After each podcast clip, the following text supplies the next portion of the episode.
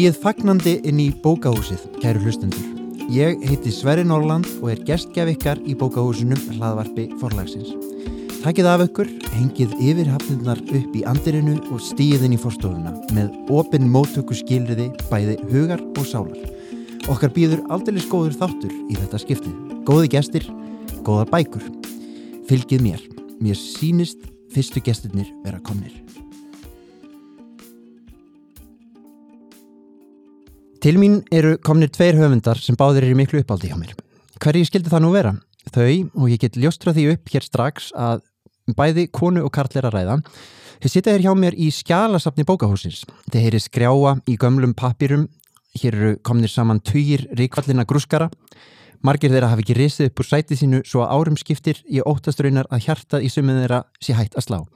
En hér leynast sem sagt ímsir dýrgripir, bref, laungu látina brefritara til að mynda fjölnismanna og margvíslegar heimildir um sögu landsokkar og þjóðar.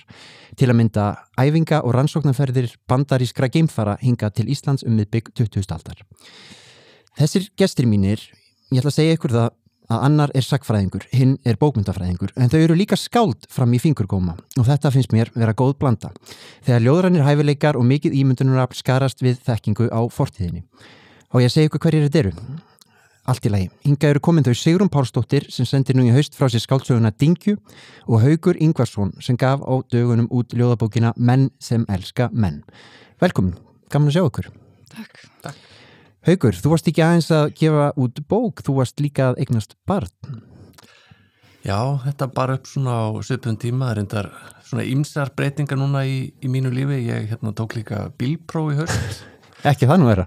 Nei, en hérna, ég átti nú tvo sinni fyrir þannig að ég var orðin fadir en að vera skindil orðin ökumað líka, það er nú svona kannski Þetta eru stórir áfungar Já, þetta er líka, þetta er svona mjög svona rótæk breyting bara á minni sjálfsmynd Já, sko. ég get trúa því, ég segi bara alltaf hamingjum með bílbróði, alltaf hamingjum með nýju bókina og alltaf hamingjum með barnið Takk fyrir Er þú eitt þeirra höfundar sem eh, líkir því saman að gefa út bók og að eignast börn?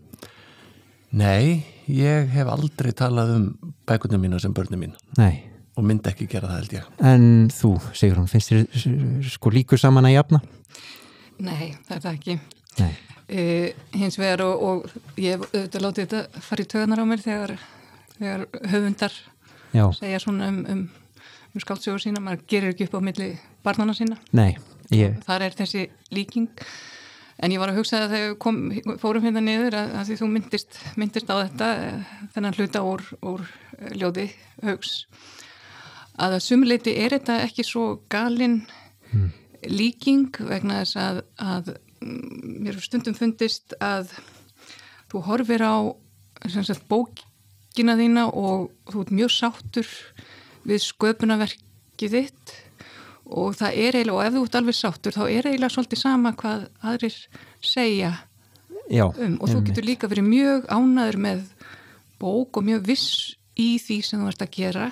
En það verður ekkert með sjálfsmyndina eða sjálfsöryggi sem mannesku og þess vegna fannst mér, sko líkingin er út í hött en hún er samt, það er einhver hún er ekki alveg galinn. Nei, hún er sennilega ekki fyrst, hún skýtur upp kollinum aftur og aftur en hefur maður ekki meiri stjórn á bókunum sem maður gefur út en börnunum sem maður færir í heiminn þegar all, all kurl eru komið til grafa Jú, allir það sé ekki rétt Já.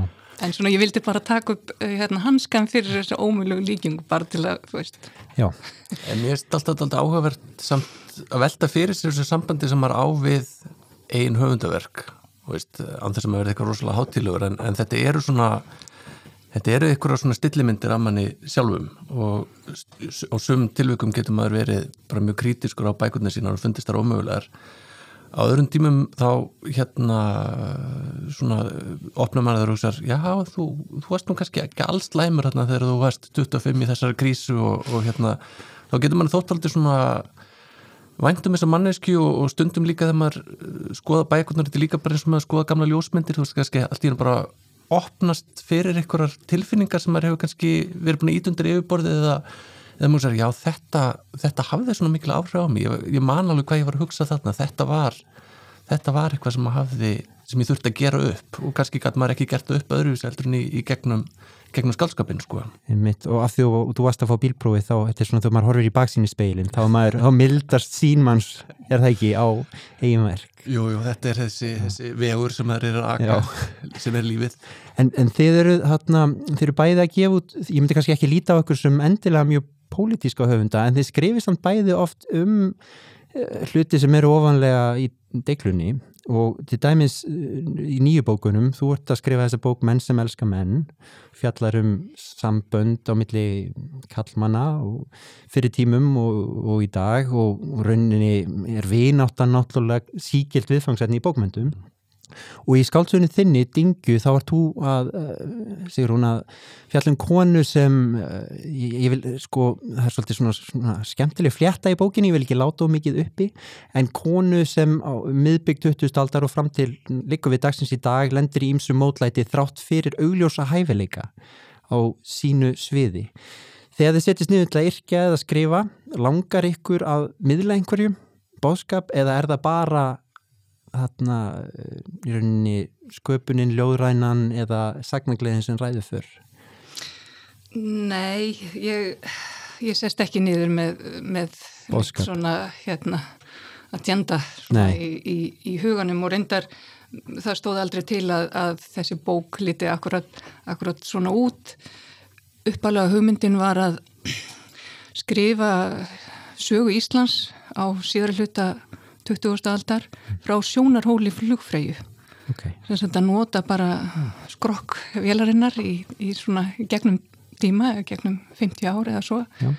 til að, að, að, að lýsa, þetta átti bara að vera svona sjónarhórn eins og að það væri bara hálfgjört tilrunaglas mm. að því það, það, þarna verður inn í þessum skrokki verður ákveðin, ákveðin breyting og, og mjást hugmyndin hún hljómaði mjög vel og mjög ástum frumleg og ég átti mjög gott með að lýsa henni í umsóknum og öllu því. En svo þegar ég byrjaði að, að skrifa bókina að þá fór ég náttúrulega grafast fyrir um þennan sögumann.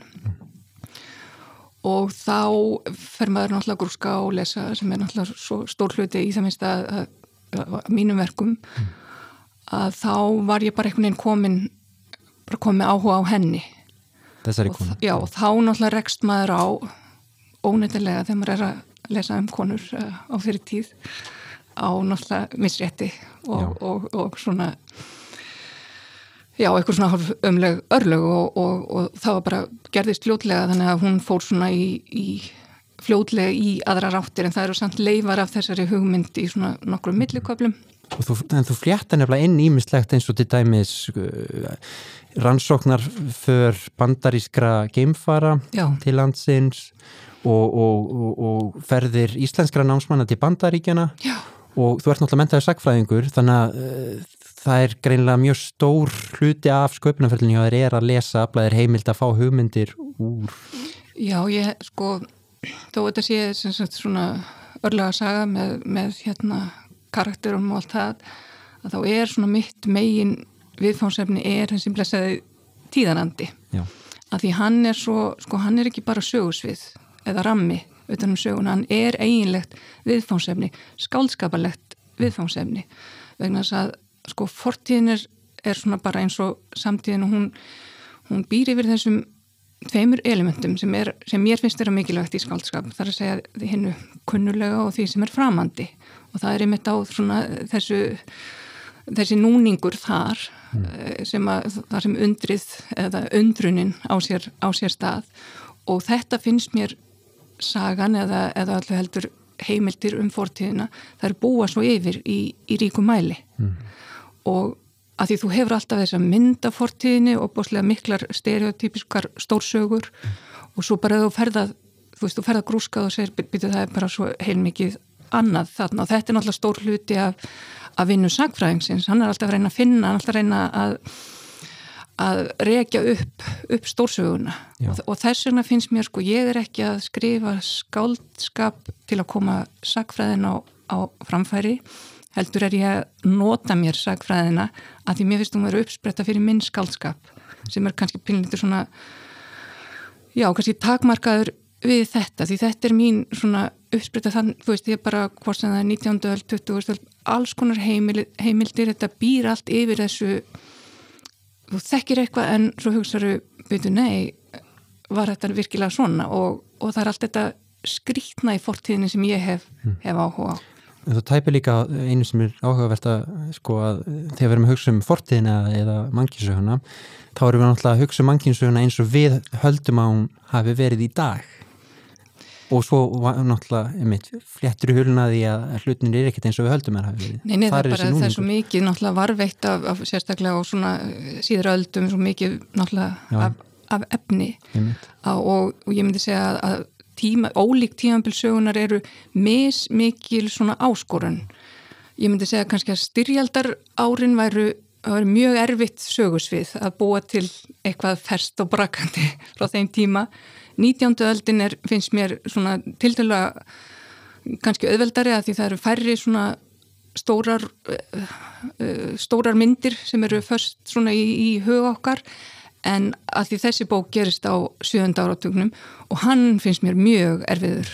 Já, þér finnst hann hann er erfið allur, já, hann er allur fullur af skiluru, þú veist, hvernig átt að draga fram stemninguna skiluru og alltaf setja bara bílan á fónin Já, já, mátt ekki gera það sko. En- en þú ferðast til 19. aldar í, í bókinni þinni sem kom út hvað fyrir tveimur árum, já, delluferðinni? Já, þannig að, já, og, og finnst þér auðveldar að ferðast lengra aftur í tíma, jáfnvel Já, mér fannst það vegna þess að bæði vegna þess að ég hef uh, rannsakað þetta tíðanbil hérna um, mikið og var svona kannski örugari þar og líka vegna þess að allir sem voru á lífi eru dánir Já, en ekki já. í dingjur og ég var ekki eins og fætt sko, svoleiðis að að ég er á hættu svæði.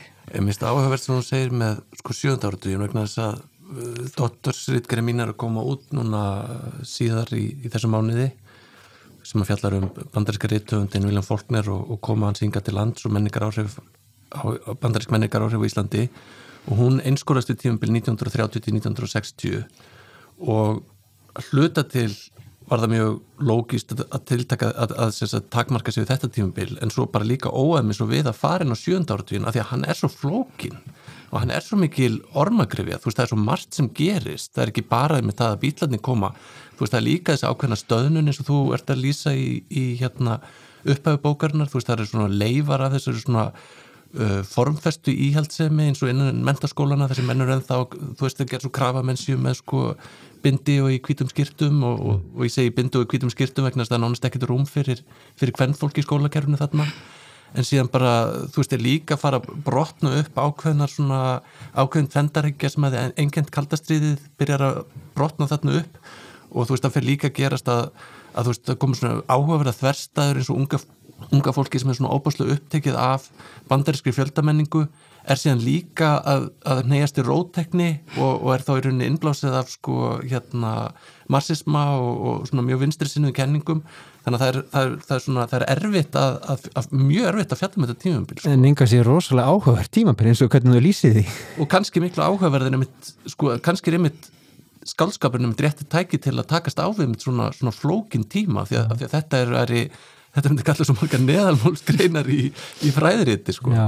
Já. En þú ferðast aftur til 19. aldar til dæmis í ljóðinu þínum þú, þú ertu sko þegar þú yrkjar sækir þér markvist fanga í, í þegar þú lest í heimildum hvernig koma til dæmis ljóðin það sem þú ert að hugsa um fjölnismenn og, og, og breyfaskrið þeirra á milli hvernig koma þau til þín?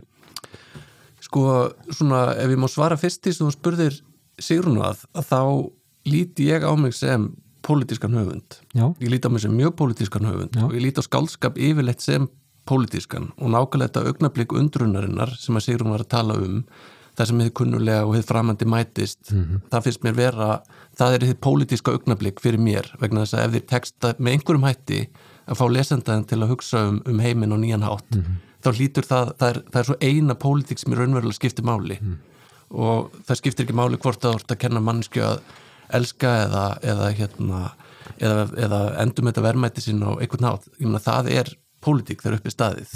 Og þannig ég, ég er mjög mikla trú á umbreytingamætti skálskaparins og mörgum finnst það að vera svona romantísk delluhuminn þá, þá, þá, þá, þá trú ég mjög á það og, og hérna þó ég sé kannski ekki svona flokkspolítiskur í, í þröngum skilningi Mm -hmm. En maður, maður skinnjar þetta alveg þegar maður les bækurna einar og sérstaklega kannski líka vistaveru ljóðabókina sem kom út fyrir nokkur árum og fjallar, já, langsastur leiti um lofslagsbreytingar og einn og annan hátt það er þessi svona sko náttúrulega skilda þeirra sem skrifa að vera alltaf að endurhugsa mm -hmm. veröldina er það ekki það sem við þetta tala um? Og, og það er náttúrulega það sem maður á að geta gert líka eitthvað um pólitík. En svo er þessi samsláttur svona tveggja, næstu eins og surrealismi stundur, svona óændra fyrirbæra. Þannig að því tekst oft og aðrir íslenskir höfundar sem gera þetta alltaf dæmis Dagur Hjartarsson því tekst að, að koma okkur óvart. Og, og þannig að maður les ljóðið og, og það kviknar það finnst mér einmitt það sem að skálskapur er að gera líka. Og það er politist í rauninni eins og þú segir að opna auð okkar fyrir óvendum tengingum. Já, bara líka ef að, sko, ef að fagfræði er politík, þá er ég politískur höfundur, en, en að því að, að, að því þú, þú spurðir um þetta og þetta fjallar, eh, bókin mín eh, Dingja, hún fjallar náttúrulega um sérst, misrétti á, á ákveðnum tíma og það er bara náttúrulega eitthvað sem kemur það kemur bara ósjálfrátt. Já, óumflýjanlegt. Já, þú sneiðir ekki alveg Nei alveg frá því en, en hérna og sérstaklega ekki ef kona er í forgrunni. Nei, nei, það er eiginlega bara hérna, en, og, og það er líka sko að vera pólitískur höfundur í, í dag og fyrir okkur þú veist eins og okkur haug og, og, og þig hérna bara í þessu samfélagi sko, að maður hugsaður hérna hvað er það sem, hver, hver er svo pólitík sem hefur sko snert okkur eða, eða svo pólitík sem hefum komið, eða kannski svo hugmyndafræði sem hefur, við hefum einhvern veginn svona fundið á einn skinni, Já. að því maður er ekki, þú veist, maður er ekki orðið fyrir óðbeldi eða, eða lifað undir fasísku stjórnarfari eða, eða upplifað styrjöld. Að það er alltaf, og í öllum mínum bókum þá er það náttúrulega bara feminismi, bara, þú veist, það er það er pólitíkin í, í, í mínum bókum. Og ég, þú veist maður losnar ekkert undan nei, maður kemst ekki undan því. Og að því að all, í öllum mínum bókum er, eru konur sagt uh, aðal söguhetjur og ég held reyndar að sko að því sem sko sagfræðingur þá beinist oft áhugumanna að konum. Og ég veit aldrei hvort það er að því að ég er kona eða hvort að hvort það er vegna þess að, að konur eru sagt, jaðarsettar eða voru þegar ég var allavega í námi, jaðarsettar í sagt, sögubókum. Og maður hefur náttúrulega, þetta þegar maður er líka honum rítahundur þá hefur maður náttúrulega áhuga á því sem er á jaðrinum sko, að því það er veist, það er heitu óvænta ef það kemur kona fyrir sko. Mhm. þannig ég veit aldrei aðminnilega hvort að þetta er áhugi minn á því sem aldrei sést Mhm. eða hvort það er að því ég er kona. Nei, ég get ekki vita þetta er áhugavert en þetta er eins og fyrir allavega mig þegar ég hugsa um heiminn í dag það, ef við erum að skrifa eitthvað sem gerist í samtímanum þá eru lofslagsbreytingar svolítið þessi heiminn sem bara yfir okkur. Og andrús, það er eitthvað sem við getum ekki hunsað. Þetta er kannski svona aðeins skilt að, að hugsa um konu í fórgrunni sögu um miðja 20. öld eða skrifa um heiminn í dag og það er ó, óhjákvæmilegt að, að fjalla með einum eða öðrum hætti um lofslagsbreytingar þannig að, og, og að því þú segir að þú sért pólitískur, höfundur nú ert þú búin að skrifa nýjustu tvær ljóðabækurnar annars vegar vist að verur, fjallar náttúrulega og svo fjallar nýja bókinu þín, menn sem elska menn um sambönd á milli manna ást á milli manna og það er nokkuð sem ég hef svolítið mikið verið að hugsa um. Ég þarna eignaði streng fyrir ekki svo löngu og ég fór mikið að hugsa um hvert ungi kallmenn í dag sækja sér fyrirmyndir. Og mér finnst þessi svona kallmennsku hugmynd aldrei mikið í upplust er það eitthvað sem þú hefur verið með á bakvið eirað? Já, sko uh, ég er búin að vera í dottorsnámi síðustu ár og ég skrifaði mjög stóra bók um stóran hvítan kallmann sem heitir William Faulkner og þar koma nánast ekki konur við sögu þannig að þessi blindi blettur sem að Sigrun er að lýsa, hann er mjög relevant fyrir mig og sumuleiti þá svona, þú veist, er þessi titill til menn sem elskar menn og ég gerum grein fyrir því að, að, að það náttúrulega er stuðandi að tala um menn í skilningnum karlmenn en, en, en hérna, og ég gerir það ekkert engungu í þessum titli, hann er svona dýnamískur að því leiti en þú veist, ég er að einhver leiti að skoða mína uh, ást á kallmönnum og, og hérna, og af hverju ég hugsa um heiminn eins og ég geri. Og um, ég held að þessi kannski þú veist það er svo miklar einfaldanir sem hafa verið svona síðustu ár, þú veist að koma fram ykkur svona sterkir titlar eins og karla sem hata konur. Já, en ég held í raunni að uh, til dæmis uh, sko vandamálinn sem að mæta okkur varðandi hérna uh, kynin og, og, og hérna og svona ólíkan hérna framgang þeirra þú veist, það er ekki það er ekki hatrið rauninni sem er hættulegasta niðurriðsafli það er líka el- ástin þú veist, það hvernig, hvernig kallmenn elska og hvern, það hvernig kallmenn elska hvern annan, þú veist, það er rauninni grunnur kerfisins miklu frekar heldur en hatur kallmanna á okkur ykkurum öðrum. minnur þá upphafning kallmanna á öðrum kallmannum til dæmis? Já, meðal annars. Og, og þess vegna held ég kannski að, að það skipti máli, þú veist, að, að, að við séum ekki alltaf bara að innbytta okkur að því hvernig, hvernig kallmenn hvernig kallmenn hata, heldur líka að hugsa um það hvernig þeir elska og hvernig þeir tjá ást sína. Hvernig tjást sína og, og það er einhver, veist, þessi bók er einhver svona ég ég er náttúrulega kannski fyrst og fremst að skora sjálfa mig á hólm en, en þetta er samt líka einhver leið til að reyna að hugsa um um það að, að elska og það það hvernig maður er kallmaður á, á, á nýjan hátt sko. Ég er sama marki brendur og þú og ég í áranar ás heitlast af ímsum kallmönnum, eldri og kannski svona skrifandi einhverjum ritsénjum og, og, og öðrum slíkum. En svo henni fyrirmynd hefur átt ábúrslega mikið undir högg að sækja á síðustu árum að vera hinn hugsandi karlmaður sem, sem kann kannski ekki að, að, að spæla sér egg en kann að hugsa um heiminn og segja okkur hvernig allt er, skrifa langar bækur. Ég held að við þurfum einhver síður og áfram við þurfum fyrirmyndi fyrir unga kallmenn í dag. Og það er að verða einhver svona breyting það er ofbúslega mikið af, af, af frábærum kvennhöfundum sem að vera að stíga fram á sviða síðust árum.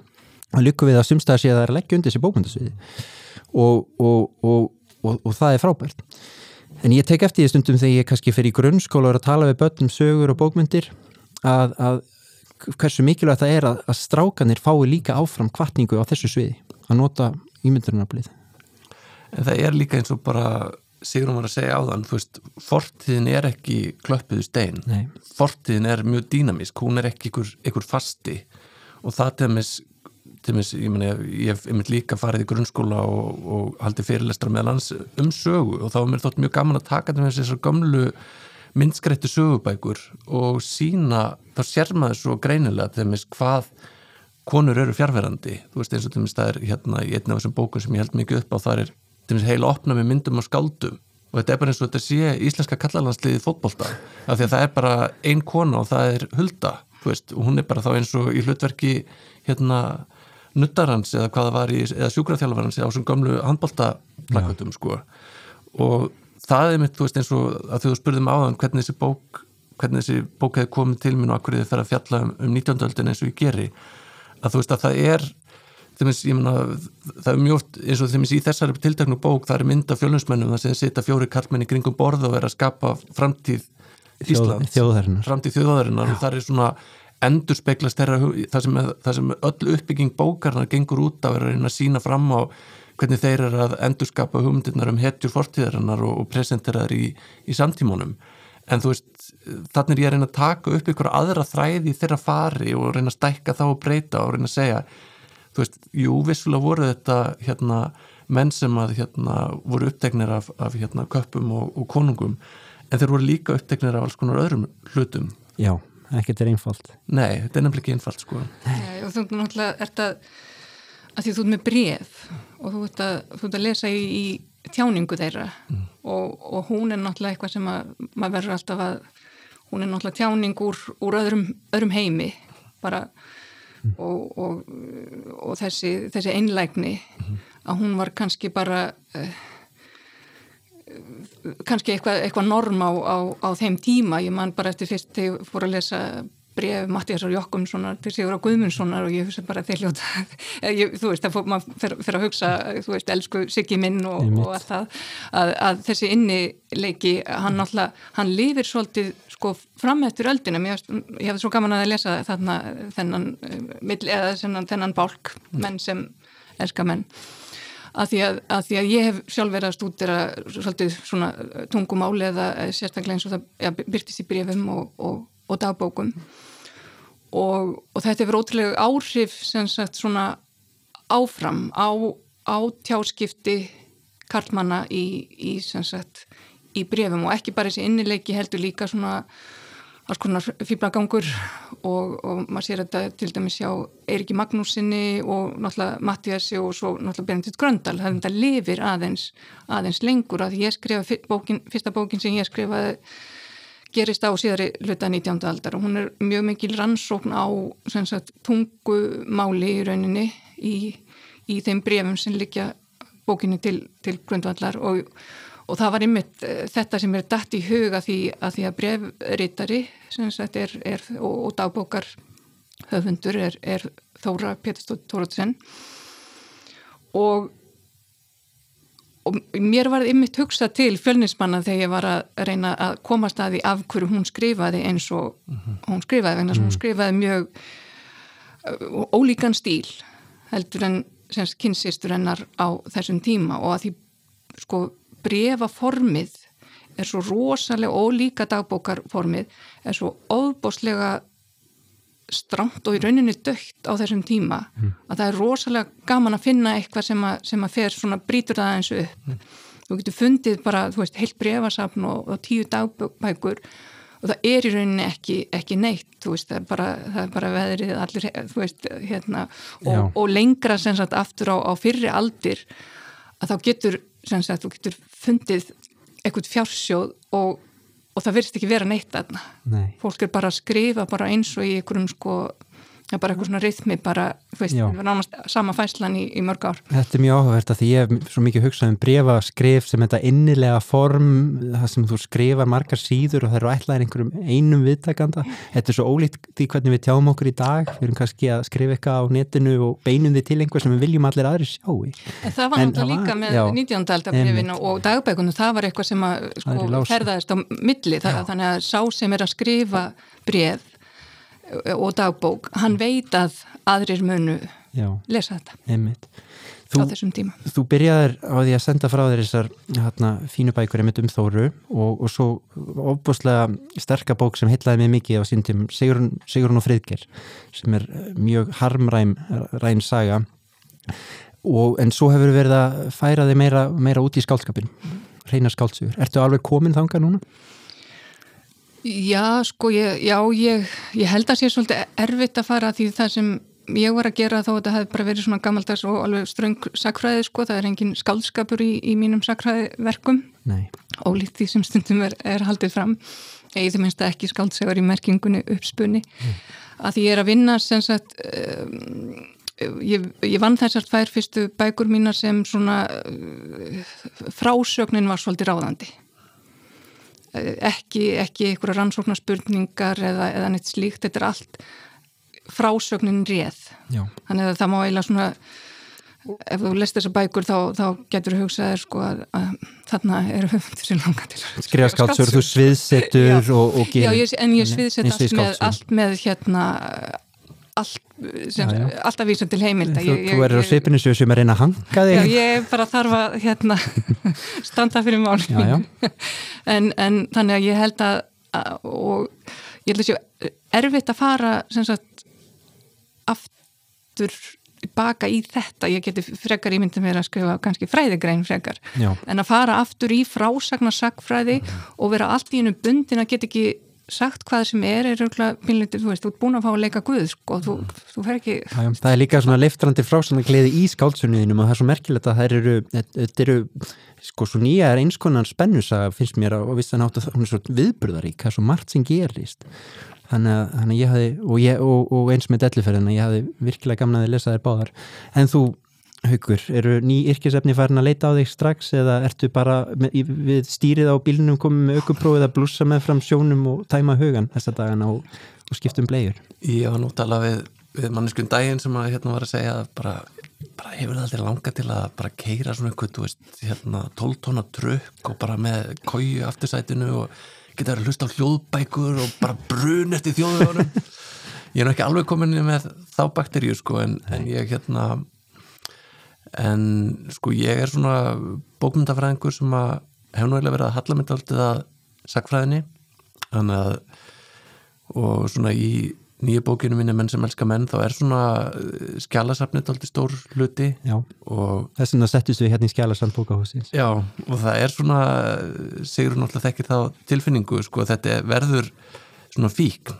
Og ég hérna í minni dóttursnámi þá fór ég á heimsóttin okkur skjálasopn og fá þessa kassa okkur um brettum og opna þá Já. og maður veit ekkert hvað er í þeim og svo byrjar maður að blaði í gegn og maður er þú veist, aðra röndin að leita eftir ykkur ákveðnu en svo er maður líka að leita eftir ykkur óvæntu sem mann hefði ekki órað fyrir og það er nú svona ímist fræ í hérna sem ég nú fundið í, í dóttasnámanu sem ég langar til að hérna langar til að elda, ég geti nú alveg séð fyrir mér að skrifa einhvers slags svona spæra sögu Já. um það það er nú, Það hljóma verið, það er nú margar bókmenta svona gátur sem byrja í skjálasafni eða svila bara svona spes en ég hef svona verið að, verið að svona rannsaka í aðra röndina sko áhrif bandarísku leinu þjónustunar á Íslandst menningarlíf. Já, og ef Arnaldur verður ekki búin að skrifa spennusögur sjálfur upp úr, úr bókinni þá Já, hann er að hlusta þannig að nú skaltu spýti lófana Nei, en svo er ég með, svo er ég með sagnasveg líka sem ég er búin og, og skáldsögur sem ég verið að vinna lengi sem að hérna,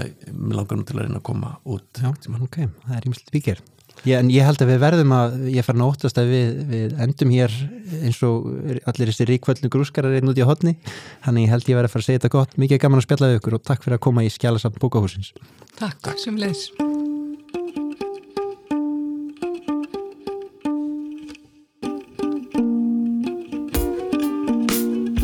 Þá er mætt hingað í bókahúsið til mín Anna Haftórsdóttir sem gaf á dögunum út sína fyrstu skáldsögu sem heitir Að telja upp í miljón.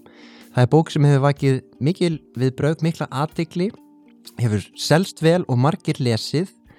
Það má í rauninni segja að þú hana, stýr inn á hinn fræga rítvöll með bara talsverðum krafti og látum, Anna. Hvernig er að gefa út bók sem bara gengur strax svona vel?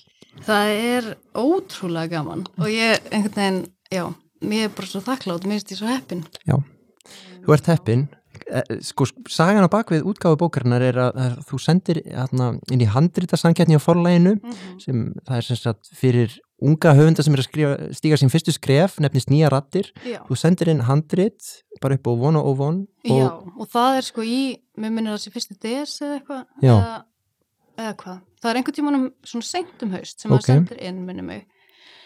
Og þá var ég mitt orðin bara svona svolítið örvendingafulla því að það var búið að náttúrulega uh, eiginlega öll fórlægin búin að bóka bara næsta árið. Já, já, skilurðu. ok, og ég- bókin var og tilbúin svo-. Já, mér langaði svo komin út á mm, þessu ári þannig ok. að ég var alveg mjög, mjög, mjög glöð þegar ég hérna, fekk tölvupóstunum ég hefði unnið þessi velun og hún væri bara að fara að koma út þetta, er, hérna, þetta er saga um unga konu sem heitir Rakel, hún gerist væntanlega á tíunda áratögnum Já, þú veist, hún gerist í nútímanum þú veist, það er einsögulina Já, sem er bara nútíminn og hérna og erum, já, og Rakel er þá kannski svona í kringum 30 eða eitthvað svo Mhm. og, og hún er í þessari uh, þessari sögulínu þarna í nútímanum er hún að lítum öxl. Já, hún er uh, að hætta með kærast sinum Já. og er í svona svolítið miklu sjokki mm og, og já, eiginlega stærstu parturinn af bókinu eru þessi endurlit sko. Já, sem er svona tíunda áratur Já. og, og þú droslega flinkið að draga upp svona svipmyndir af einhverju stemningu í segjum blokki Reykjavík og svona ymsar vísanir í hluti sem maður þekkir og karakterinir eru líka mjög lifandi, það er sem sagt pappi þeirra sískina, Rakelar og Robba Já. fer bara frá þeim Já. og þau eru öll hálfgjör, í svona hálfgerðu sjokki fjölskyldan Mm og mamman sem er ennþá hjá þeim e, sko virðist breytast og er í rauninni andlega fjárhverjandi -hmm. í framhaldinu. Hún er, þú veist, það er, já, það er eitthvað að henni, Já, þú veist, hún er eitthvað andlega veik. Já, og hann og er ekki, ekki í stakkbúin að hugsa um tvö börn, það nei er nokkuð ljóst. og hún ákveðin sem sagt að telja upp í miljón Já, það er svona, verðist verða hennar leið til að takast á við áfallið, veist, að maðurinn hennar fari frá henni og börnunum hennar. Mm. Og svona einhver, þú veist, ég skilgrendi aldrei í rauninni, eða að ég vildi ekki segja uppátt, eða uppátt, ég vildi ekki skrifa Mm. Nei, nei, niður nei. hver sjúkdómurinn, nei. væri nákvæmlega eitthvað, af því að hún, hann er ekki meðhundlaður, veist, hún kemst aldrei að því sjálf hvað Hvað- er að henni, eða, og þá náttúrulega ekki börnin, þú veist, þau vita, skilja ekkert Nei, og af því ég er að segja þetta út frá barninu á heimilinu, þá vildi ég bara að það væri allt svona óljóst. einmitt Við sjáum bara hegðunina og, og það virkar mjög vel og svo sjáum við svona eftirköstin þegar hún er komin á fullorins ár Já. Það er svona kannski svolítið það sem ég langaði að fjalla um Já, er svona hvernig svona áföll í æsku fylgja manni inn á fullunisárin Já. hvernig þau geta haft áhrif á, á bara eins og í hennar tilfelli uh, hennar náni sambönd mm í- eins og bara hérna, samband hennar og kærastans Já, og þegar það verist vera að fjara út, þá kannski yfir það upp þessi gömlu sár sem hún hefur aldrei, hafa aldrei gróið og, og einhvern veginn. Já, hún er þú veist í einhverju sjokki og hún veit ekki, það það er ekki beint hann að langi að vera þetta allt upp, Nei, nei. sko, þetta er svolítið svona bara að koma á hana eins og Mhm. einhverjar hérna, öldur. Já, einmitt. Þú feta líka svolítið svona skemmtilega línu á milli einhver sem er mjög sásökafullt og svona harmrænt en líka svona svolítið sko stundum svona eh, absúrdisma, ég veit ekki hvað, svona fáránleiki sem er samt mjög raunsæra þegar mannfólk er mjög oft fáránlegt Já, og húmors. Og stíllin er svona lifandi en, en opuslega rempingslaus oft í fyrstu skáld sem er fólk að reyna að gera miklu, miklu meira en það þarf að gera. En þú einhvern veginn virðist bara að vera með þess að sögu að segja, afslöpuð ertu búin að vera að skrifa lengi eh, ertu þaul æfða bak við tjöldin Sko, mjög gaman að heyra þetta. Um, sko, ég fór náttúrulega í reitlist já, í Háskóli Íslands í Háskóli Íslands, í meistranám og ég, sko, ég byrjaði að skrifa ég vissulega byrjaði að skrifa þegar ég var mjög lítil ég, það er eiginlega skilst ekki, sko, fyrstu Mm. mm. sögurnar af því að ég bara eiginlega kunni ekki að skrifa Ok. Hérna. en, og fannst mjög gaman bæði að lesa og skrifa. En svo svona, og það endist alveg aðeins svona inn á úlingsárin og svona í grunnskóla. En svo eiginlega bara svona fjarlæðist ég þetta allt svolítið sem úlingur já. það er mjög algengt. Uh, já. Af hverju er það? Ég veit það ekki, ég einmitt og svona þegar ég fór aftur að fá áhugan á þessu þá var ég svo hérna spæld Mm. yfir öllum tímanum sem ég visti í að gera eitthvað annað en að lesa bækur og, Mm. og skrifa. En ég fór bara að hugsa um aðra hluti og endaði á farin í leiklist og lærði leiklist hérna eftir mentaskóla og svo fór ég að læra tölvunafræði, Mm. ég vissi ekki alveg hvað ég vildi og, Ok. hérna. Og þá í veist, þegar ég var að vinna sem fóreldri og þá var allt í rauninni fullkomið. Þú veist, ég var í frábæri vinnu sem að var sveigjanleg, sem var það sem ég hafi verið að spá með Mm. að fara í tölunafræði, þannig ég geti sint leiklistinni líka og ok, þannig að þetta var allt einhvern veginn eins og átt að vera, en mér leiði samt ekki eins og ég væri að gera það sem ég átt að vera að gera. Mm. Eða veist, það var eitthvað, það var eitthvað ekki alveg nógu gott, sko. Ok. Og hérna, og ég var eitthvað að þetta um mömmu mína og og var eitthvað, ég verð bara að læra meiri leiklist, ég ætla út í hérna pröfur einhverstaðar hérna út í London eða eitthvað. Ok. og hérna, og mamma, og við erum eitthvað að ræða þetta. Og þá segir mamma við mig eitthvað, hérna þú veist, hvað ef þú reynir bara að hugsa aðeins aftur í tíman, þú veist, áður en að, að, að þú verður úlingur og, og hérna áður nú fyrir að gera allt sem þú er búin að gera. Hvað elskaður að gera, Mm. hver er Og kjarni hérna, til Já, já. bara hvað, hvað þú veist gerður aðeins að þurfa að hugsa um að þér þætti það gaman Mm. eða, eða það væri það sem er ætti að finnast skemmtlegt og hérna, og ég eitthvað hugsaði þetta og hún vissi held ég alveg hvað hún, hún var að spá sko já. Þannig að það er mömmu þín að þakka að þú skrifaði þessa bók það er mömmu þakka, að ég fór í ritlist Já, ok, af því að þá hérna, þá var ég bara já, herði, jú, auðvitað það er að skrifa Já. og hérna, og fór að skoða ritlistina í háskólanum og, og hérna, og ákvað að uh, að fara í ritlist. Ok. Og mér finnst mjög áhugaverð þessi blanda ég vissi ekki að þú væri forritari. Já, jú, einmitt.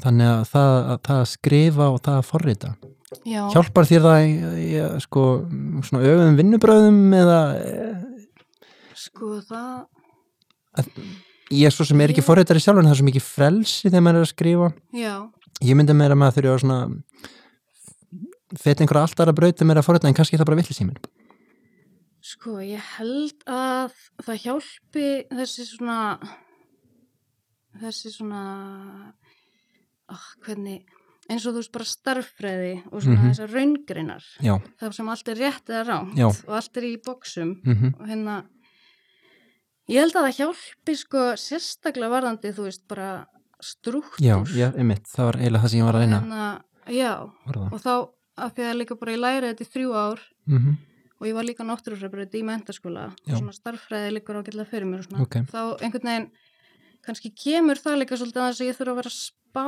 mikið Ok, eða svona á þess að ég þurfa að vera að hugsa mikið út í það sko. þetta er mjög áhverð að því það er svona leikleði í bókinni grautlegar personur, flakka fram á aftur í tíma, já, skemmtilega lýsingar en einhvern veginn byggingin er svo sterk að sagan gengur alveg já. Það er af því að þú ert forritari. Já, það er nefnilega málið, sko. Það er því ég kann Python. Já.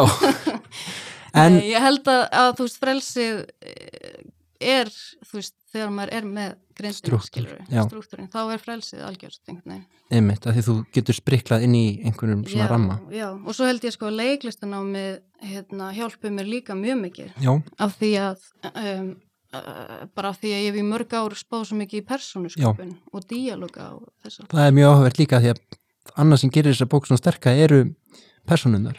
Það eru eftirminnilegar. Robby, bróðirinnar Já, og hvernig það er svona breytast og þroskast mm í, út í gegnum söguna. Svo eru líka mjög skemmtilegur örn, svona döflegur kærasti.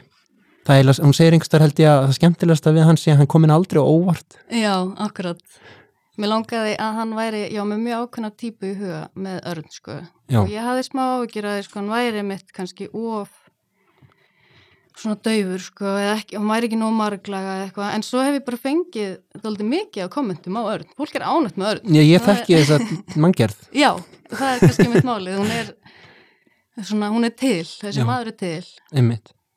Og svo er það yngri bróðurinn sem lendir líka svolítið sjokki, hann, hún finnst eins og rækilega aðalpersonan bregðist sér. Já, Svo kynnistu honum aftur þegar hann, og, og það rofna sambandið á millið þeir og það er greinlega eitthvað sem er svona þjaka aðalpersonan mjög mikið. já, Og, og svo kemur hann okkur svolítið á óvart þegar hann reynist þeirra miklu sterkari kannski karakter en við hefðum haldið upp af því. já, einmitt um, og þar, þú veist, langaði mig bara svolítið að snúa borðinu við, eða hvað maður segir þú veist, Já. bara að Rakel, hún er búin að loka á, á fóreldra sína því þau ollu henni sásöka Já, eða reyna það, Já. í það minnsta og, og þarna þú veist, þarf hún svolítið bara að horfast í augu við að hún olli líka Mhm. þú veist, hún, bróðir hennar eh, treysti sér ekki til að vera í samskiptum við hana persónu er svolítið loka hverjar á aðra.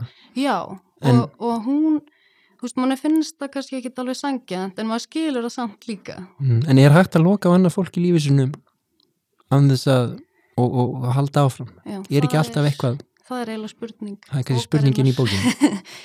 um, það, já, hvernig, og þú veist, það, mér finnst þetta líka áhugaður spurning, hvernig vinnum maður úr hlutum, að því alltaf að segja að þú verður að vinna úr þessu, þú veist, þú verður að vinna úr þessu og hinu, þú verður að vinna úr áfallinu þinu, bara, ok, hvað meinar þau, þú veist, svo ef maður hefur sálfræðingi í tíu ár og er eitthvað, er ég núna búin að vinna úr, má ég fá eitthvað plagg, eða þú veist, uh, Nei, nei, hvernig, að fram. hvernig vinn ég úr einhverju, hvernig veit ég hvort ég er að því eða hvort ég er búin að því þannig er þetta kannski búin að fanga svona kvikuna eða svona eða þráðin í bókinni sem er þessi spurning sem held ég að það er það sem gerir skáldskap góðan, hvort sem það er skáldsa, bíómynd eða hva, hvað sem er það er spurning sem er ekkert skýrt svar við. Akkurat, uh, sko eigum við til að vinna úr áföllum í líf okkar, hefur við að loka fólk eða hefur við að halda áfram að reyna umgangast þá þá við Mhm. vitum að það verði alltaf erfitt og lægist aldrei. Mm og það eru það er svona þessar spurningar sem skáldskapur kannski á að fástu og engin endalega svör Já, og er maður líka sko skildugur til að vera í samskiptum við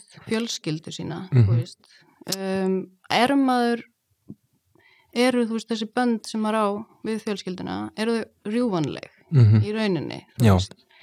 Af því að, þú veist, auðvitað ef að pappiðin eða mammaðin eða eitthvað veldur þér sársöka, þá áttu þetta bara að, að reyna að fjarlæga, eða þú veist, þú ert alltaf að reyna að fjarlæga einhvern út úr lífiðinni sem veldur þér sársöka, en mm. Já, einmitt bara eins og þú veist segja, er, Já, það, er, er það hægt? Er það hægt, sko. Já, lagalega séð er, er fjölskyldan grunn eining samfélagsins Mm akkurat, og maður ræður ekki, maður ræður ekki hverjir eru nei, maður það ekki. fæðist bara inn í mm. fjölskyldu og eitthvað umhverfi. En þú nefndir á hann þú hefði byrjað snemma að skrifa og lesi og svona Mhm. um, þannig að þú ólst upp innan um bækur og ertu í einhverjum svona er, vinahópi til dæmis það sem fólk er að skrifa, lesa hvaðan kemur hvað það snið Ekki þegar ég er bara núlingur, sko. Nei. En svo reyndar veit ég núna að þú veist, einhverjar af æskuvinkunum mínum er í bókaklúpum. Kannski vorum við allar bara svolítið að lesa í sínu hotni en við vorum aldrei að tala um bókmentir mikið. Nei, En hérna, uh, já, ég las, það bara svona eins og með skrifin, ég las miklu minna sem úlingur, um, ég las mikið sem barn já og hérna, og mamma hefur einmitt sagt mér sögu að því sko þegar ég mætti í fyrsta bekk, að hérna þá er kennarinn eitthvað svona sína mér og okkur einhverjum einhverjum hóp, þú veist, hérna er kennslistofan og hérna er svona, hérna, svona bókahotn, hérna er hægt að sitja og, og lesa bækur. Og þá var ég eitthvað, já, ok, eru þið með eitthvað Astrid Lindgren eða? eitthvað svona algjör Já, dífa uh, en þetta einhvern veginn alveg síðan bara, ég eða þú veist, ég bara, Mm. þetta hætti. þetta mér. vera svolítið svona algengt bara mm, þegar fólk kemst táningsár Já, þá lesa átt minna, ég held að sé kannski frambóð af bókum á Íslandi líka fyrir þann hóp er já, svolítið takmarkað sem er kannski vandamál. Ég dætt alveg hún í Harry Potter, sko, já, einmitt, og allt það. En, eins og fleiri já, og svo byrja ég aðeins að lesa aftur kannski bara upp úr tvítugu eða eitthvað. Ég er náttúrulega í leiklistan á minni kannski aðal að lesa leikrit og, og ho- fyrir meira hóra á bíómyndir. Var í Ok. kvikmyndaskóla, sko. Um, en eru þá einhver sérstakir höfundar sem að heila eða einhver svona, Já, sko, stundum held ég að hana, minnisbók Mæju eftir Ísabel Allende hafi svolítið verið svona Vendipunktur hjá þér? Vendipunktur hjá mér, já. Af því að þegar ég las hana þá var ég svo, hún náði mér svo og ég hugsaði hvað, þú veist, Mm. það, hvað er það við bók sem nær mér og reyn, byrjaði svona að reyna kannski að skilgreina smekkin minn á Mm. bókmentum. það er áhugavert hún er svona töfrarinn segis Já. og það er svona smá þannig þræðir hjá þér svona, þetta sé ég var að nefna á með fáranleikan Já, en fáranleiki er oft svo raunsær af því að fólk hegða sér á fáranleika akkurat. Þannig Já, já, það er er einmitt. áhugavert Og svo svona í setni tíð uh, hef ég mikið litið upp til höfund eins og Braga Ólafs og Kristínar Eiríks. Þau eru svona, mm að þau hafi alveg svona mjög mikil áhrif á mig og hvernig ég skrifa. ekki slæmt Alls ekki Ja. slæmt. Uh, þau skrifa með svona bækur sem að ég get ekki lagt frá mér Mm. og það, þú veist, gerist ekkit endilega Nei. oft, sko. og það er erfitt að svona sumur upp efni bókana þeirra þú verður að upplifa þær, Já, nokkulega. lesa þær til þess. Og ég get ennþá ekki í dag skilgrind eitthvað svona smekk sem ég hef beint á bókum. Um, en ég verðist sækja svolítið í mm, einhverja svona þjáningar. Það er mjög oft eitthvað svona uh, eitthvað svona fjölskyldudrama eða eitulif og eitthvað svona eða einmitt svona persónuleg drömu eða eitthvað svona. Já, eitthvað svona baka En- tjöldin. Já, en það verður samt eða að vera húmor líka sko. já, en án, án svona alvarleikans harmsins er engin húmor. Nei, nákvæmlega, er það ekki? Akkurat. En núna þú er búin að senda frá þessa bók sem þarna, kom eins og elding inn á bókmyndasviði á vori. Já, og margir hafa lesið og hrifist af. Hvað ætlar að gera næst? Ertu ristur annað handrið fram úr erminni, eittur og bingo? sko Eða um, Ég veit, sko ég ertu að vinna Fyrst- einhverju? Þú þarft ekki að segja mér það. Nei, ég veit, já, ég sko hérna, fyrst eftir hún kom út þá fannst mér í smá svona ég var ekki beint eitthvað svona blúsuð ég hef heyrt um svona, Mm. e eftir að gefa út bóka getur það svona blúsaður, ég var ekki beint blúsuð en ég gæti eiginlega ekki hugsa mér að skrifa eða lesa í svolítinn tíma á eftir, ég var bara svona Mm. Kannski einhver svona sjokki einhver svona Ok. útgáfu sjokki Já, En svo var ég svona aðeins byrjuð á einhverju nýju um, og náttúrulega hérna listamannalöna umsóknarferlið já, fór í gang það er dásanlegt. og ég það var um mitt aðeinslegt. Um, þannig að ég er svona byrja að reyna að byrja á einhverju nýju og ég skrifa svolítið svona yfirleitt er það personurna sem verða fyrst til hjá mér og ég var komin með svona einhverja personur um, en svo svona er söguþráður og plott eitthvað sem að kemur yfirleitt bara meðan ég er að skrifa þannig að ég, ég já, þannig að ég er ekki alveg viss hvað verður úr þessu Nei. en mér langar að skrifa aðra skáldsögu allavega Frábær, já. Ég hlakka til að bara lesa hana, engin pressa. Og bara rosa gaman að spjalla við þig. Takk fyrir þessa fínu bók.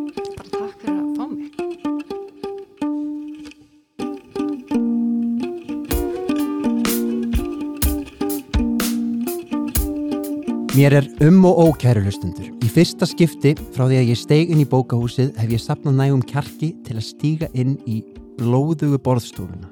Hér liggur nákvítt helkallt lík á gólfinu. Á borðinu stendur byggar, í honum grillir í grænandrykk eitthvað eitrað, bannvænt. Þarna stíkst fótleggur undan glukkatjöldum það seitla blóðtaumar um gólfið og gætið ykkar áður en þið bræðið á snittunum. Mér skilst að einhver illkvittin sál hafi laumað litlum nálum inn í matinn. Áts.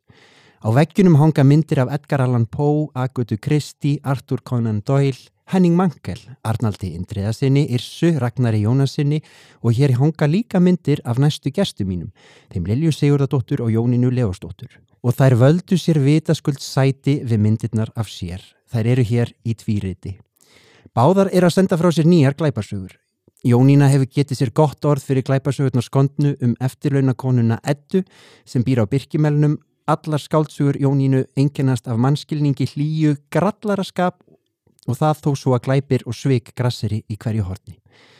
Lilja Sigurðardóttir er marg verlunaður glæpasagnahöfundur. Nýjasta bókennar heitir Nákvít jörð og fjallar um sama lauruglufólkið og síðustu bækur hennar Helköld sól og blóðröður sjór. Hjartanlega velkomnar. Takk. Er þið nokkuð smekar? Hér innan um alla nývana, eiturpelna og byssurnar. Við erum aldrei smekar. Er það nokkuð Jónína? Það bara kemur ekki til, nei. Nei, þið hræðist En ekki. þú ert uh, á tánum. Ég, ég, ég er, já, ég er myrkfælinn. Ég, hérna, eh, mér líður ekki vel í, í, í uppveikjandi aðstæðum eins og ég held að gildum fleiri. Og mér var nú oft ekki um sel á meðan ég var að lesa bækurnar ykkar. Það er eh, hefjast um, mjög ólíkum hætti. Þín bók, Jónina, Launsátur, hefst á því að uh, það er einhver búin að lauma nálum inn í matvæli. Já, Er, er þetta eitthvað sem bara bjóst til í huganum eða hvað, hvaðan kemur svona hugmynd? uh, nei, því miður, þá hefur þetta gest í alvörunni og meðal annars mjög frækt dæmi um jarðaber í Ástralíu og þetta Ástralíu er auðvitað mjög stórt landsvæði, byrjaði á einum stað og fór svo breyðast út með landið. Þannig að það var alveg augljóst að það var ekki sami gerandi. Þannig að það smitast, svona mál geta smitast út. Þannig að einhver villisingur setur nálinn í jarðaber og þá taka sig allir til og byrja að setja nálarinn í jarðaber. Nákvæmlega finnst þetta allt í einu ægilega sneiðu hugmynd. Já, þetta er reyndar, mjög, þetta er reyndar svolítið eins og byssu árasutnar í bandaríkjunum eftir að einnig búin að leggja fordæmi þá fjölgar þeim. Einmitt, þetta er uh, mætti flokkast sem hriðjuverk.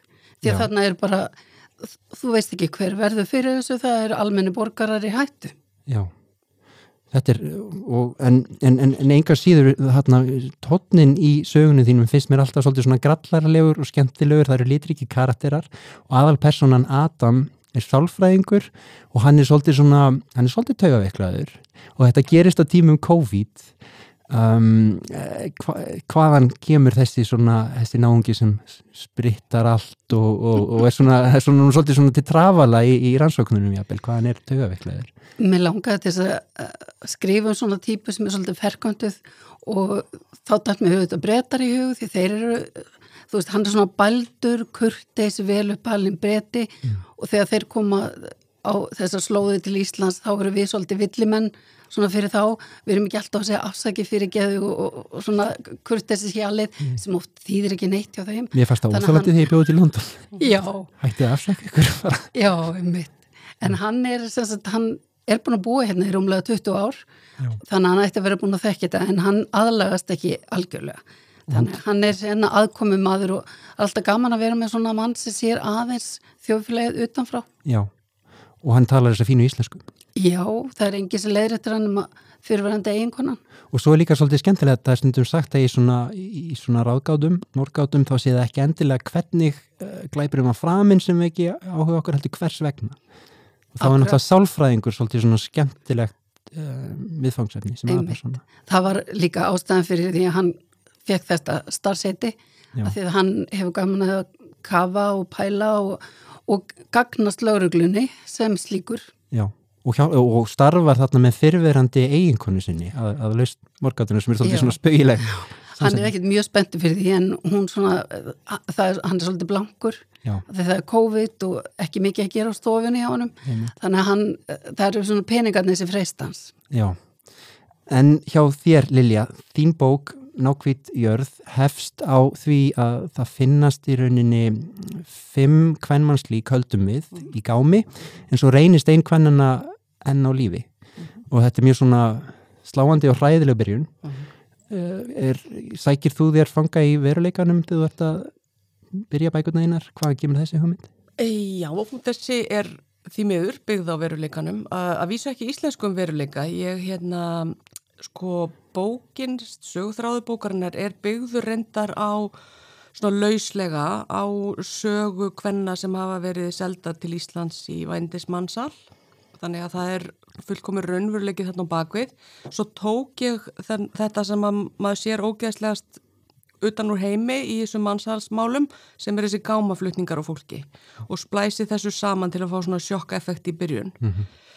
og þótt að sé kannski eins og glæpasagan er oft svona á jæðri þess að vera þú veist, líklegt að svona geti gest á Íslandi að þá er samt sem áður þessi veruleiki óbúslega nálagt okkur á Íslandi mm -hmm. og það er sko, þegar ég fór að rannsaka þessi, þú veist, undirbúa þessa bók þá bara fór ég að óska þess að ég hefði ekki gert það mm. því að þetta eru svo viðbjósleg mál og ja. það er svo mikið mannsal á Íslandi og maður hérna, já, ég var orðin sko þegar ég var að skrifa bókina bara að fara að spyrja sko, starfsfólk á kaffehúsum og allstaðar bara, þú veist, já, hvernig er að vinna hérna og ertu með góð laun og þú veist já.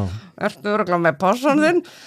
Liku við, sko. Að hérna það er óhugnalegt hvað það eru margir í vestrænu samfélagi sem eru að hagnast á ófremsi Já, og nöyð og neyð annara.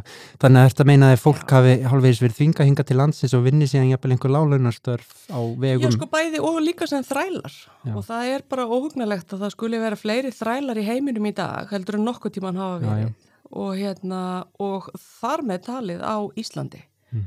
og það sem er undrast mest í þessu einhvern veginn eru sko, ég, ég ég veit ekki, eh, sko maður býst einhvern veginn við því að svona íslenskur almenningur, þú veist einhver byggingavertaki sem að er að ráða starfsmenn eða kaupa starfsmenn af einhverjum þriðja aðila uh, ætti að geta gert sig grein fyrir því að ef hann þarf ekki að sko borga starfsmennunum laun, það bara borgaði mér þú veist 20 miljónir og svo þarfst ekki að borgaði um laun mm.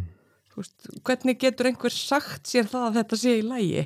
Þetta er náttúrulega ekki í lægi. Er þetta einhvers konar svona afleðing af því svona í svona þessu alþjóðlega samfélagi sem við lifum í það er oft svo oft búið að útvista þjónustu og ráningum Já. þannig að við erum ekki í beinum samskiptum við Nei, þá sem er að vinna. Og þetta er það sem er svo mikilvægt við að hafa sko þessa, hvað heitir þetta nú, þriðja aðila ábyrð Já. er að þú sko, ef að þú sem sko, ef að fyrirtæki kaupir vöruð að þjónustu af einhverjum að það gangi skugga um hvernig svo. Vara er til komin. Mm. en, og svo náttúrulega er það sem er sko einhvern veginn ræðilegst líka í öllum mannsalsbransanum er síðan vendismannsalið það sem er hérna bara uh, já, sem að er líka maður á bátt með að skilja hvernig mm. menn getur hugsað sér að kaupa sér aðganga konum sem eru læstar inni. Já, emmið Ég fór aðeins út í þetta heitni bókinu um ettu á mm. Birkimellum. Þar var í íbúðinu fyrir ofan hana og þetta er semst bara viðgengst. Þar var búið að hlaða niður ellendu verkamönnum, semst vinnumannsal. Og þetta er bara viða í blokkum. Ég þekki þetta í hverfinu mínu sko, gamla verslanir sem eru núna íbúðir. Já, kójur bara já. með öllum vekkjum En svona er þetta um allan heim. Í, í fyrstu já. íbúðinu okkar út í París þar sem ég bjó mára byll, þar var náttúrulega bara vændi fyrir ofan sko og allt svona. Þannig að við erum náttúrulega bara hluti af heiminum hér á Íslandi. Að, en þetta er það svona, við svona innbyggð mótsögn finnst mér í spennusagnaskrifum það, það er gaman að lesa spennusögur og það er oft svona hálf notalegt mm. að lesa um hrylling mm og, og þær geta verið fyndnar og, og verið með personun sem okkur fyrir að tekja að væntum og svona mm -hmm. en um leið lýsaði ofta einhverjum samfélagsmeinu með einhverju hræðilegu mm -hmm. þannig að hvernig mhm. hvernig takist þið á við það þú gerir þannig reynda Jónu með sko húmor kannski já, já. og þú Lilja svolítið með mikill spennu og, er þetta eitthvað sem þið hafið á bakvið eira svona jafnvægið á milli óhugnaðar og, og sko mm það er notarlega, ég veit ekki hvernig ég orða þetta er ákveðin lífsflótti að lesa eitthvað það sem getur glemt þér og þínum áhyggjum og lest um annar manna áhyggjur og hvernig þær leysast og svona. og ég er konst að bræði með þetta, ég bjó í Breitlandi og í tvö ár þá var ég að vinna svo langt frá heimilinu að tók mig tvo tíma hvora leið. Og þá er, þetta var auðvitað fyrir snjálfsíma og allt þetta, þetta var þegar ég var hérna yngri. og þá var ekkert mannaðar að gera heldur en að lesa tímaritt, bækur mm -hmm. eða blöð. Mm -hmm. og ég spændi mig gegnum Agatha Christie eins og hún laði sig mm -hmm. og svona Guy og Mars og einhverja fleiri svona höfunda sem tók bara frá aðtilu og þannig ég veit hvernig þetta er þegar að þú ert í einhverju leið, leiðilegum kundi og vilt láta tíman líða. Þetta, þetta er frelsandi að týna sér. Já, ég held að sé líka sko það er líka, við höfum öll þörf fyrir að láta reyna á tilfinningaskala ekki spurning. Og, og það er sko, þegar maður les glæpasögur þá er þetta að upplifa alls konar hrylling sem að enginn myndi vilja í raun og veru upplifa í eigin lífi. En þú færð insýn í veist, þann veruleika einhvern veginn í gegnum lesturinn. Á örgan hátt, bara eins og börn sem að vilja láta lesa fyrir sig. Þú veist, eitthvað hryllilegt, ég var sko sjúk ég man eftir mér ennþá sko úst, þryggjára, sjúk í dvergin rauðgrana Já. sem að var sko hræðileg horrorsaga og ég, Ég man ennþá bara, veist, ég veit að. Já, mynd, myndin af honum og svo þú veist Dísa Ljósalfur og allt þetta skilur Einmitt. að hérna maður sótti í þetta af svona sko bara fík Já. Já. og ég er ennþá þannig sko, ég sæki glæpa sögurnar alveg. Það, ég, ringi alltaf smá svona viðvörnabjöllur í kollinu og mér líka þegar við líkjum lestri við sko veruleika flótta því að fyrir mér er lestur lífið og hugsun og, og lífið er ein löng hugsun og þannig að mér finnst það ekki endla veruleika flótti, mér finnst það stundum verið að skrúa veruleikan í botna þegar maður les þá fær maður, þá líf annara og mér finnst það í stundum eins og séu, emitt, verið að, verið að, verið að auka styrkin á veruleikanum, ég veit ekki. Já, Ég held þetta bara á við, ekki, þetta á ekki við um alla, þetta fer eftir hvernig Já. líf þitt er. Einmitt. og sumir eru bara í bastli og erfiðri vinnu og, og vilja aðeins gleyma sér. við vilja gleyma eigin lífi. Já, já, já, það vilja nú allir það er svo stundum. gaman hjá þér. Já, já, það er mér, ég er þreytu baugar og fleira, sko. Já, já, En það er áhugavert að sko í löndum það sem að er mikið svona daglegt ofbeldi og, og, og lífið er svolítið svona nær því að vera hálfgerð glæpasaga, þá eru glæpasögur ekki með vinsalar. nei. Þá er það ástasagar Já, sem að rúla. og hérna og þá er sko e- eins og til dæmis í sko í Rúmeníu var útgefandi minn rúmenski að segja að sko glæpasögur eru nú með tvö eða þrjú þar í vinsældum en ástasagan bara ræður öllu sko Já, fólk sækir í það og sama gildir í Mexiko það sem ég þekki aðeins til það sem er mjög mikið Já, já. bara svo daglegt óbeldi og lífið óbúslega erfitt að þar sækir fólk í ástasöguna að því að hún gefur svona annan einhvern veginn veruleika. Glæpinir eru daglegt brauð Já. í það, þú sér það í kringum því. Já. En er það bæði kallar og konur? Já, það er nefnilega líka bæði kallar og konur, mér finnst það svo fyndi Það Nei, ekki á við lít- ástasögu og á kynni. Akkurat, við lítum, lítum alltaf svo á að sko ástasöguna sé alveg svona hvernadæmi en, en það er ekki, ekki Suður Ameríku En ég er svo forvitin þegar þið eru að skrifa svona glæpasögur og þarna það er búið að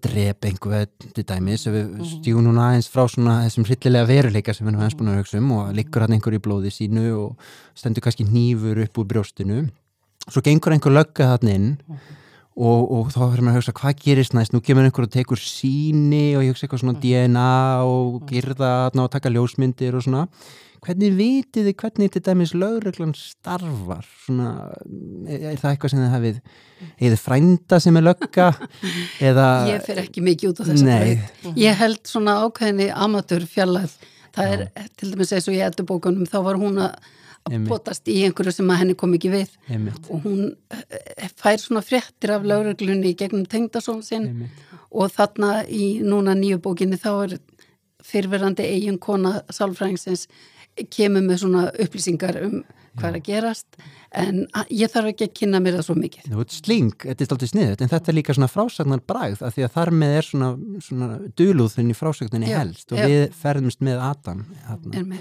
En þú Lilja, þú ert eins og er opaslega nákvæm eins og í nýju bókunniðinum þremur þú rekur alveg sko vinnu að fyrir löggurnar Já, hérna á, á mikilli nákvæmni og, Já, ég, þetta er að þetta er kallað í glæpa svo tegatur svona police procedural þetta er Já. ekki alveg þar en ég fer samt aðeins út í það Mhm. uh, en ég hef bara notið góðrar hjálpar frá laurugluna höfuborgarsæðinu Já, já, þú er bara dæla í símanum Góðkunni ekki Já, lögregla. ég er góð, góðkunningi lauruglu Ferðu þangað í segja kaffi það. Já, eða já. eftir að spjalla við á samfélagsmiðlum eða Já, bara, bara bæði, Já, sko, já, og ok. hérna, já, já, ég hef verið í starfsnámi hjá, hérna, lauruglustjóranum og guðum á vita hvað, sko, Já. að pota sér allstaðar inn og það er, hérna, og ég, ég gerði það sama, sko, því ég var að skrifa gildruseríuna með efnahagsbrotin, Mhm. þar fekk ég góða hjálp líka frá, hérna, sérstökun sagsóknara og, Já, og það er, sko, uh, það, það er, sko, það er ósvo gaman hvað það eru margir tilbúnir og eiginlega allir tilbúnir að hjálpa rítöfundum já, já. Og það er svo fallegt og hérna og Annað væri nú ljótt. Já, já. Og svo er þetta sko, maður, svona, maður vill vanda sig eins og maður getur þetta sé trúverðugt og jafnvel þú veist lögreglu fólk að einhver geti lesið þetta og ekki fengið sko aularhótt Nei, uh, það orkar samfærand á mig en ég er Já, reyndar ekki lögga. En svo er það þannig að sko ef að það myndast konflikt á milli, þú veist, veruleikans og sögunar þá ræður auðvitað sagan. Já, já. og þá beigir maður bara hérna, en ertu þá- raunveruleikan En ertu þá komið með hugmyndina glæpnum og fer þá að velta fyrir þér hvað myndi gerast eða ertu að Já. kafa inn í einhverja svona aðferðafræði og þar, þar koma hugmyndinar Nei, það er sko yfirleitt alltaf glæpurinn og hvert þú vilt fara með söguna og svo reynur að finna aðferði sem styðja það svolítið. Já, uh, já, og það getur reynst snúið þannig að maður neyðist þess að breyta sögunni í stöku sinna með eitthvað gengur ekki upp. Uh, Einmitt, ég, ég er svo mikið þannig að ég er að skrifa og segja persónunum bara eitthvað Já. og svo get ég ekkert Nákvæmlega. þannig að ef ég veit, veit ekki eitthvað að gengur garðirkjumæðurinn í sögun og byrja að tala um garðirkju þá getur hann bara að litla sem ég veit um garðirkju Já, það er það gallið sko. Já, Ég fór líka og fekk aðstóð og yfirlestur og svona og það var hjá Sálfræðing. Já, já. sem að var svo kona sem ég þekki sem er svo hugulega að bjóðast til að lesa yfir. Hún var aðdáðandi ettu og ég vissi að hún svona kynni vel við minn stíl þannig að ég fekk hann að lesa yfir og hún kom með mjög fínar ábendingar því ég er auðvitað ekki sálfræðingur Nei, þau en- hafa áhuga á þessu. En ég fyrir alltaf að leiðir heldur en Lilja hjá mér byrjar ekki með glæpnum að því ég er yfirleitt að fókusa á einhvert svona samfélagsmein eða einhvert, einhvert samskipta erfileika eða eitthvað slíkt. Já. og þá er það það sem ræður og hvað geti látið gerast svo geti fjallað um þetta. Já, já, ok. Þannig að það er allt eh, svona annar leiðangur. Mhm.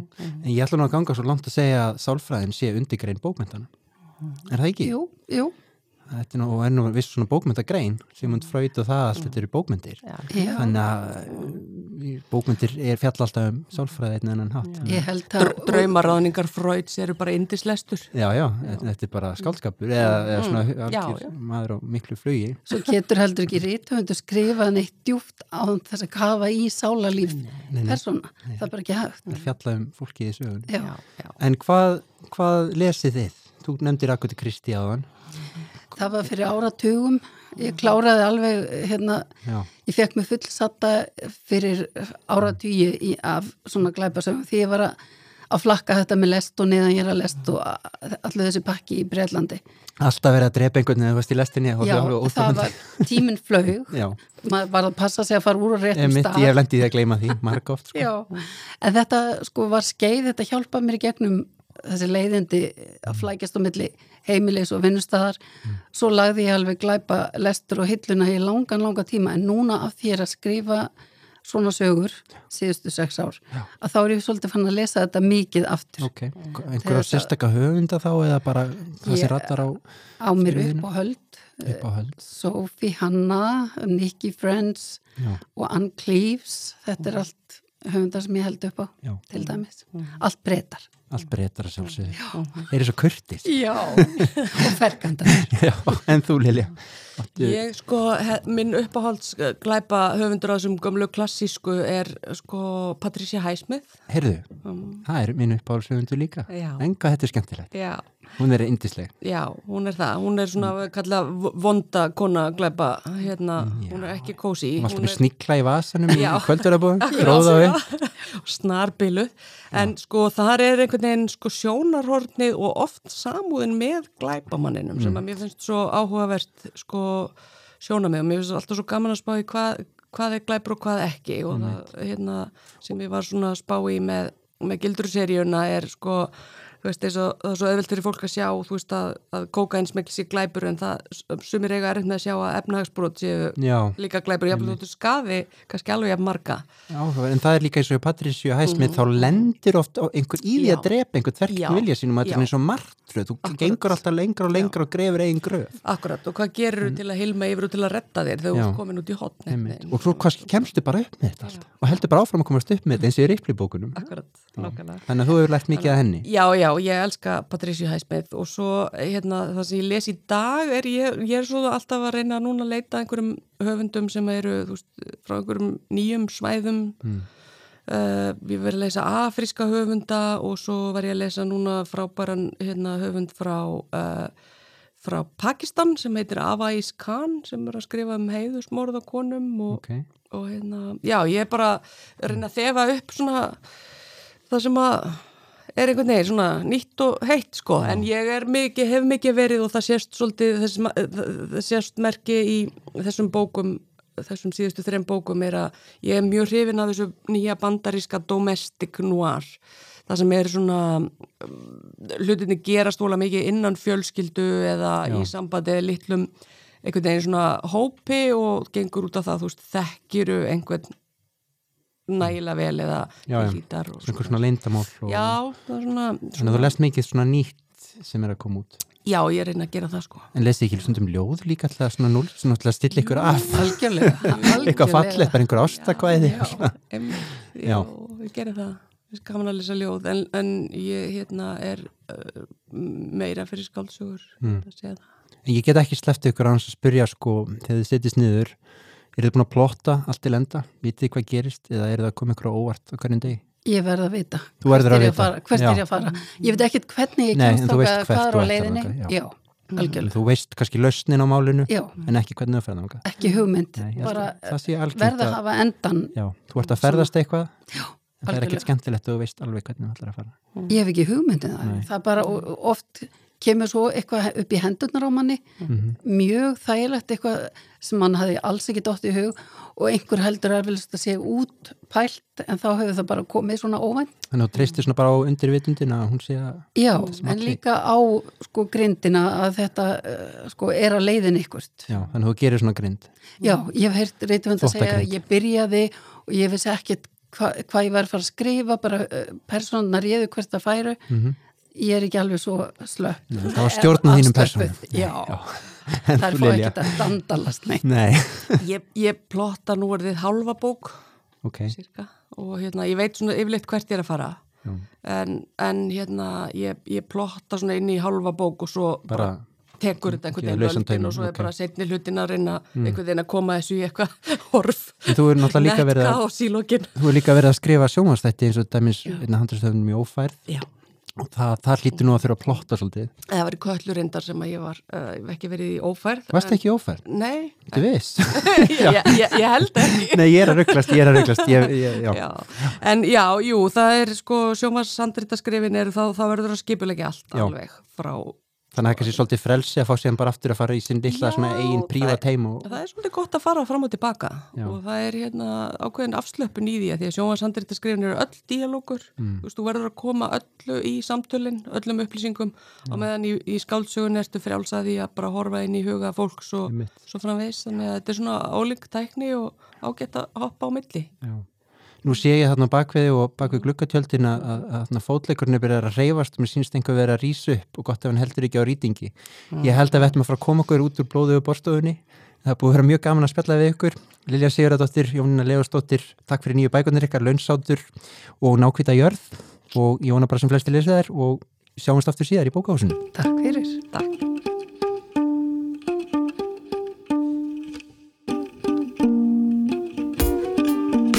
Þá eru víst komið að kveðjustund, kæru hlustundur. Klæðið ykkur vel þegar þið stíð út úr bókahúsinu. Ekki gleyma glerugunum ykkar og treflum, reymið skóna, spenniðu breglivarnar, neppið jökkunum.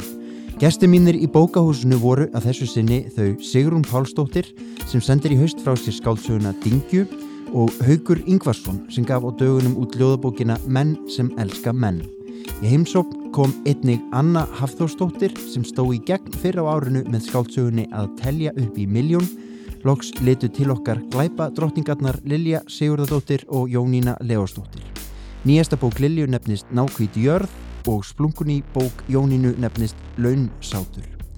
Tónlistina í danssölum bókahúsins sömdu og frömdu hinnir lífsglöðu gæðapiltar sem mynda tvíeikið Urmull og Kraðak þeir Ragnar Jón Ragnarsson, einni þættur sem Humi og Helgi Egilson. Upptökum stýriði gæðablóðið Egil Viðarsson af þólinnmæði og þýðleika. Upptökur fóru fram í stúdíó Harmi djúft í yðrum jarðar. Sjálfur heiti ég Sverri Norland og er leiðsögumadur ykkar og gestgjafi hér um undur og tundur bókahúsins. Ég lakka til að vera með ykkur á nýjan leik í næstu viku, þangað til, farið vel með ykkur, farið vel með fólkið í líf ykkar og lesið bækur. Verðið sæl!